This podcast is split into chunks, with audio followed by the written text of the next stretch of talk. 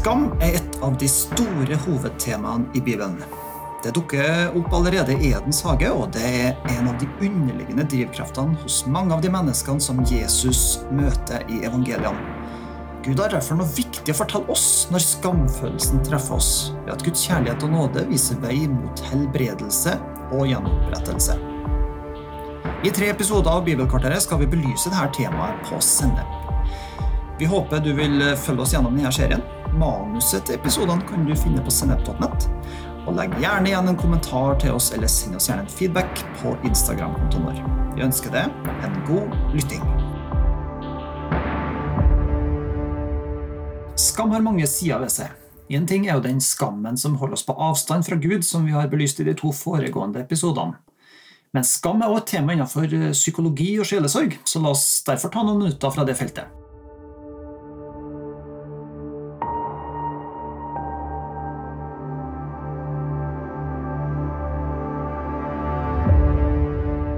Som jeg nevnte tidligere i denne serien, så er en sunn skamfølelse forebyggende og til hjelp til å opptre hensynsfullt overfor andre mennesker ut fra hvilke sosiale koder en bør oppføre seg etter. Eksempelvis er det å sette seg alene på bussen i Norge det er å være hensynsfull overfor passasjerene du møter. Mens det å sette seg alene på bussen i mange ikke-vestlige kulturer vil oppfattes stikk motsatt av medpassasjerene. Berit Okkenhaug, prest og forfatter av boka 'Når jeg skjuler mitt ansikt', hun skriver følgende Skammen beskytter den innerste private sfære. Den kan åpne seg i kjærlighet mellom to, hengivenhet i fortrolig vennskap eller i det sjelesørgeriske rom. En velger da å blottstille seg og håpe å bli tatt imot, men muligheten for å bli avvist vil alltid være til stede. Der skamevnen er forstyrra, vil en enten forsvare seg med distanse eller ikke vite å ivareta egne grenser. Sitat slutt. Skam kan altså være nådeløst, destruktivt og hemmende. Og denne destruktive skammen den forbindes da med å føle seg skitten og verdiløs. Når mennesker utsettes for traumatiserende og grenseoverskridende atferd, enten det er overgrep, vold eller andre ydmykende ord eller handlinger, er veien kort til at skammen internaliseres og rammer sjølfølelsen og sjølrespekten. Da føler en seg gjerne avmektig og denne sjølforakten og mindreverdighetsfølelsen gjør at den isolerer seg og skjuler seg for andre, og den kan også virke sykdomsfremkallende. Det en må holde hemmelig, fører ofte til skam, skriver Berit Okkenhaug. Det kan handle om overgrep, det kan handle om manipulerende, voldelige eller alkoholiserte foreldre. Det kan handle om avhengighet til porno, nasking eller gambling. Eller det kan handle om seksuelle tiltrekninger som en føler skam over. Eller det kan f.eks. handle om å føle seg stigmatisert, misbrukt eller utnytta av andre, og at man føler skam over at man lot seg lure. Djup skamfølelse er så smertefullt at en vil lete etter strategier for å omgå den. Og sånn unngåelsesatferd kan anta mange ulike former. Og rusmisbruk, spiseforstyrrelser eller sjølskading er kanskje de mest kjente formene for sånn atferd. I tilfeller hvor en sjøl eller menneskene blir kjent med bærer på traumer eller en destruktiv skamfølelse i eget liv, er det første steget alltid å erkjenne den. Først da er det mulig å gjøre noe med traumene og bevege seg i retning av en helbredelse. Videre bør en oppsøke profesjonell hjelp til å bearbeide skammen og traumene. Verken venner eller familiemedlemmer har det som trengs for å være terapeut og sjelesørger, og ikke bør de ha den rollen nødvendigvis heller. Dypest sett så er det her frelse i Bibelen handler om. Om det er å kjenne realitetene og slippe lyset til på det mørke som en bærer på, og la Jesus komme inn. Sånn kan vi erfare den tilgivelsen, forsoninga og den gjenopprettelsen som bare Han kan gi oss. Sånn at vi får tilbake sjølrespekten og verdigheten over det å være skapt og elska av Gud. Veien til å bli myndiggjort, til å ta ansvaret i sitt eget liv, det kan ta tid.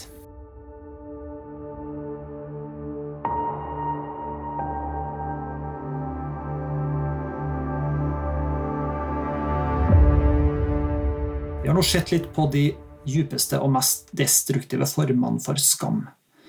La oss derfor gå videre til å se nærmere på skam i form av å ikke leve opp til idealer som vi løfter fram i samfunnet. Og det finnes mange sånne idealer å strekke seg etter. Noen kan vi anse som relativt tidløse, sånn som trofasthet i ekteskap eller det å snakke sant. Hvor motsatsen, altså det å bli tatt i utroskap eller løgn, som regel vil vekke negative følelser hos de fleste. Samtidig endres idealene eh, etter tida vi lever i. Nye begreper sånn som flyskam eller kjøttskam viser at miljøvern har vokst fram som et sterkt ideal i dagens befolkning, sånn at de som ikke bryr seg særlig om disse idealene, kan føle på et press fra andre om å innrette seg etter dem. Det er god grunn til å være eh, kritisk og litt selektiv på hvilke idealer som en tar imot og gjør til sine egne. Jesus kaller oss først og fremst til å være hans etterfølgere. Ikke til å måtte leve opp til alle utbredte idealer i samfunnet, sjøl om det isolert sett kan være fine og gode idealer. I Bibelen så finner vi en beslekta problemstilling til dette, bl.a. i Galaterbrevet, hvor Paulus kritiserer galaterne for å vende seg bort fra evangeliet til fordel for lovgjerningene i Moseloven. Paulus protesterte på dette fordi disse idealene var det ingen grunn til å følge lenger, pga. det Jesus hadde gjort for oss. I sine brev så advarte Paulus bl.a. mot visdomslære og tomt bedrag, i form av idealer som ta ikke, smak ikke, rør ikke, som han skriver om i Kolossebrevet. Eller det å la seg fordømme av andres samvittighet, som han skriver om i første Korinterbrev. Dessuten skrev Paulus i Galaterne kapittel 5 av vers 1-2. Til frihet har Kristus frigjort oss. Stå derfor fast og la dere ikke tvinge inn under slaveåket igjen. Hør hva jeg, Paulus, sier til dere. Hvis dere lar dere omskjære, vil ikke Kristus være til det minste hjelp for dere. I dåpen så blir vi innlemma i Jesu korsfestelse. På den måten at det gamle livet vårt, med alle dens idealer, mister sin kraft i våre liv. La meg derfor lese opp en parafrase fra Galaterbrevet fra The Message, som understreker det her.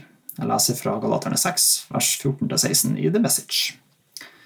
Og oversettelsen er gjort av meg. For min del, jeg vil ikke rose meg av noe annet enn vår Herre Jesu Kristi kors. Ved korset har jeg blitt korsfesta i mitt forhold til verden satt fri fra den kvelende atmosfæren av å blidgjøre andre og passe inn i de trange rammene de dikterer. Kan ikke du se det sentrale i alt det her? Det handler jo ikke om hva du og jeg gjør, enten vi velger å la oss omskjære eller ikke. Det handler om hva Gud gjør, og han skaper et nytt liv for oss i frihet. Sitat slutt. Så vær litt raus med deg sjøl. Ikke bli skamfull over alt som ikke er på stell. Ikke la støv på gulvet, oppvask på kjøkkenbenken eller uklipt plen vekk en skamfølelse som gjør at du lar være å få besøk hjem av andre voksne. Ikke la det overmanne av det forventningspresset som alskens foreldremøter, dugnader barnas fritidsaktiviteter skaper. Ikke la politisk korrekthet ta fra deg frimodigheten til å si hva du tror, eller har erfart i møte med Gud. Evangeliet er nemlig ingenting å skammes over.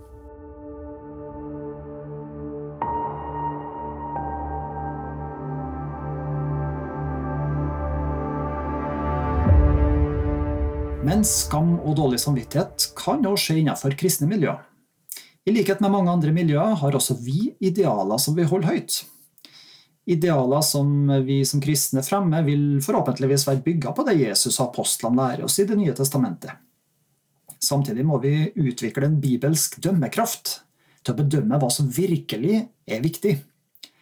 Livet lærer oss at noe er viktig, og noe er enda mer viktig.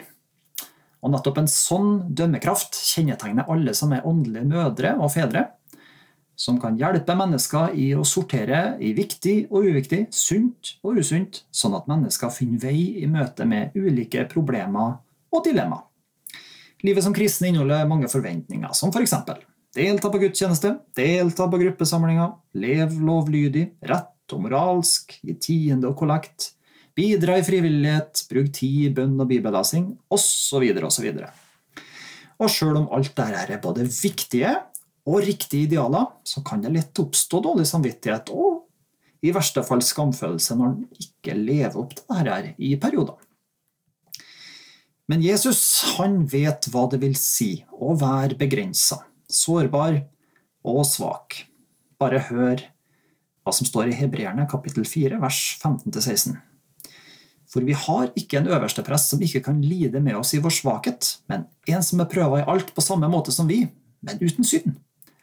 La oss derfor frimodig tre fram for nådens trone, så vi kan finne barmhjertighet og finne nåde som gir hjelp i rette tid.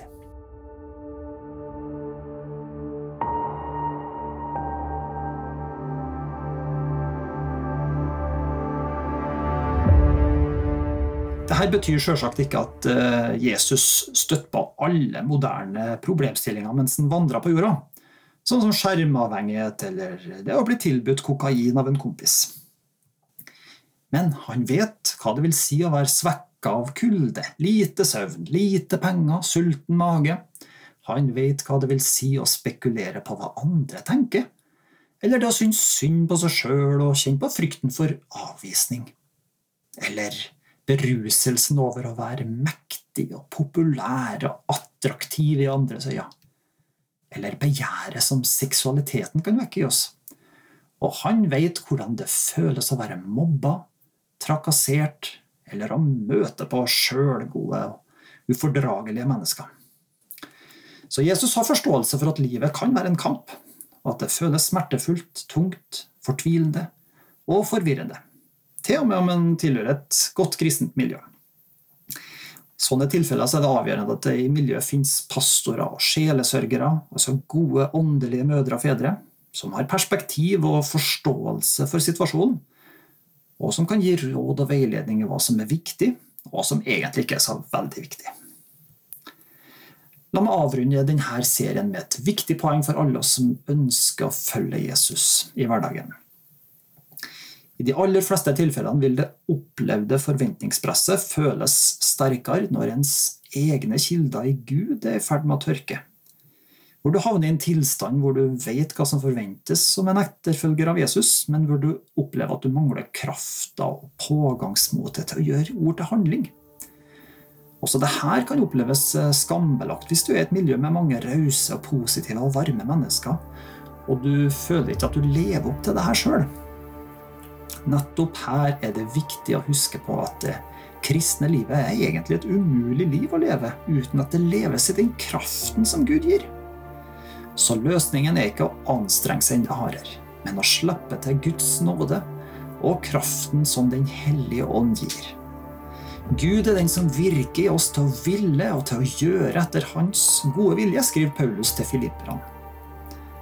Løsningen ligger alltid i å ta imot Guds nåde til å leve det livet som Han har tenkt for det og for meg. Det var slutten på denne serien om eh, skam i Bibelkvarteret. Jeg håper det satte på sporet av en fornya tro og en fornya lyst til å lese Bibelen og gripe det som Gud har for oss sammen.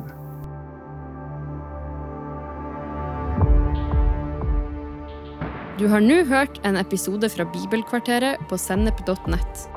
Du vil også finne mer stoff på sennep.nett som gir deg inspirasjon til å følge Jesus i hverdagen. Innholdet på Sennep er gratis og tilgjengelig for alle, takket være økonomisk støtte fra kristent nettverk, menigheter og enkeltpersoner. Du kan også hjelpe oss ved å be for oss, dele innholdet vårt med venner og bekjente, rate podkastene i den podkastappen du bruker, eller ved å gi en gave på VIPS. VIPS nummer 54 66 68. Takk for at du lytta til sennep.nett.